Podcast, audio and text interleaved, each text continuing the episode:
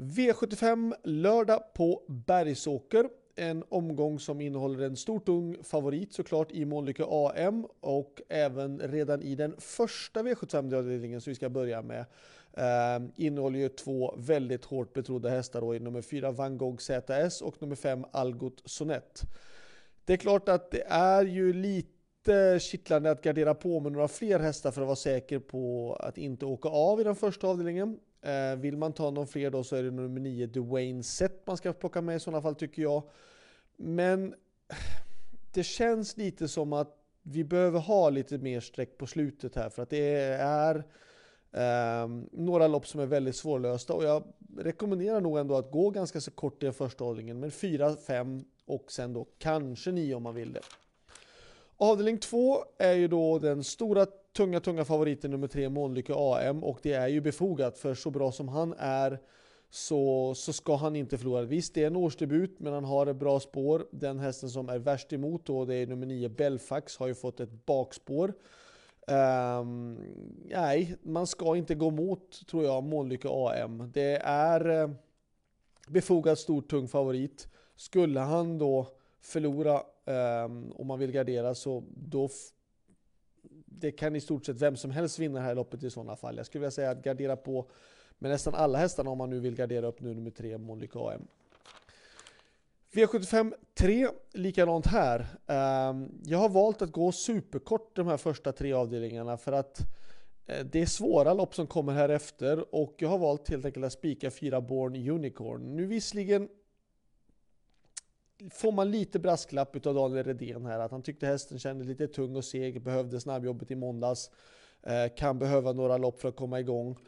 Men ursäkta, det ringer såklart. Um, kan behöva något lopp för att komma igång, blev bättre förra året med mera lopp i kroppen. Men vad ska jag gardera? Ska jag ta med tre Disco Valante på 2-1? Visserligen gick han bra i finalerna i lördags, men nej, jag clickbait, men clickbait har bakspår. Uh, nej, att fyra Born Unicorn får bli spiken. Där bakom såklart Disco Valante och 9 clickbait, men kanske 11 Esprit Sisu också. Men alla de här hästarna har dragit sämre spår och Disco Valante är ute på 2-1, han är bäst på 1600. Nej, spik på nummer 4, Born Unicorn i den tredje avdelningen. Så nu har vi gjort alla korta sträckorna, alla avdelningar med få streck i och vi kan börja öka på ordentligt. Och i den fjärde avdelningen då som är ett kortdistanslopp eh, tycker jag att man ska ta så många streck man har råd med i stort sett. Eh, Parveny, 2 Opes Flawless, 3 LA Boko, 4 Special Top Model, 5 Bonus Vendil och 6 Denali Dock. Eh, och sen då kanske nummer 8 Firefoot är de som jag vill ha med först och främst. Men jag vill även, om man nu har råd, skulle jag kunna tänka mig att ta med nummer 7 Sommity och 9 First Tartar. Eh, så 1 till 6 och 8. Sen där bakom 7 och 9.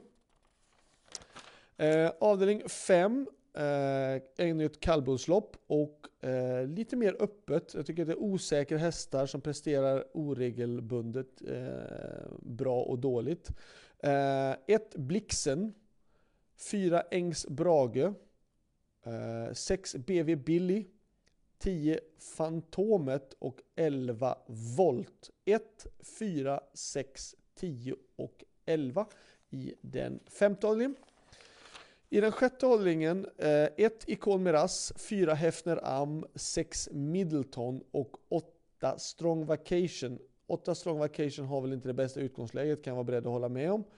Eh, men sen då 10 Heidenburg Am och 11 No Limit Express vill jag ta med också. Så att 1, 4, 6, 8, 10 och 11 i den sjätte avdelningen. Och då slutligen i den sjunde avdelningen, 5 ehm, Gasolin Miras, 7 Bugatti Miles och 10 Perpetuate är de som jag tycker är mest intressant. Eh, 5, 7 och 10.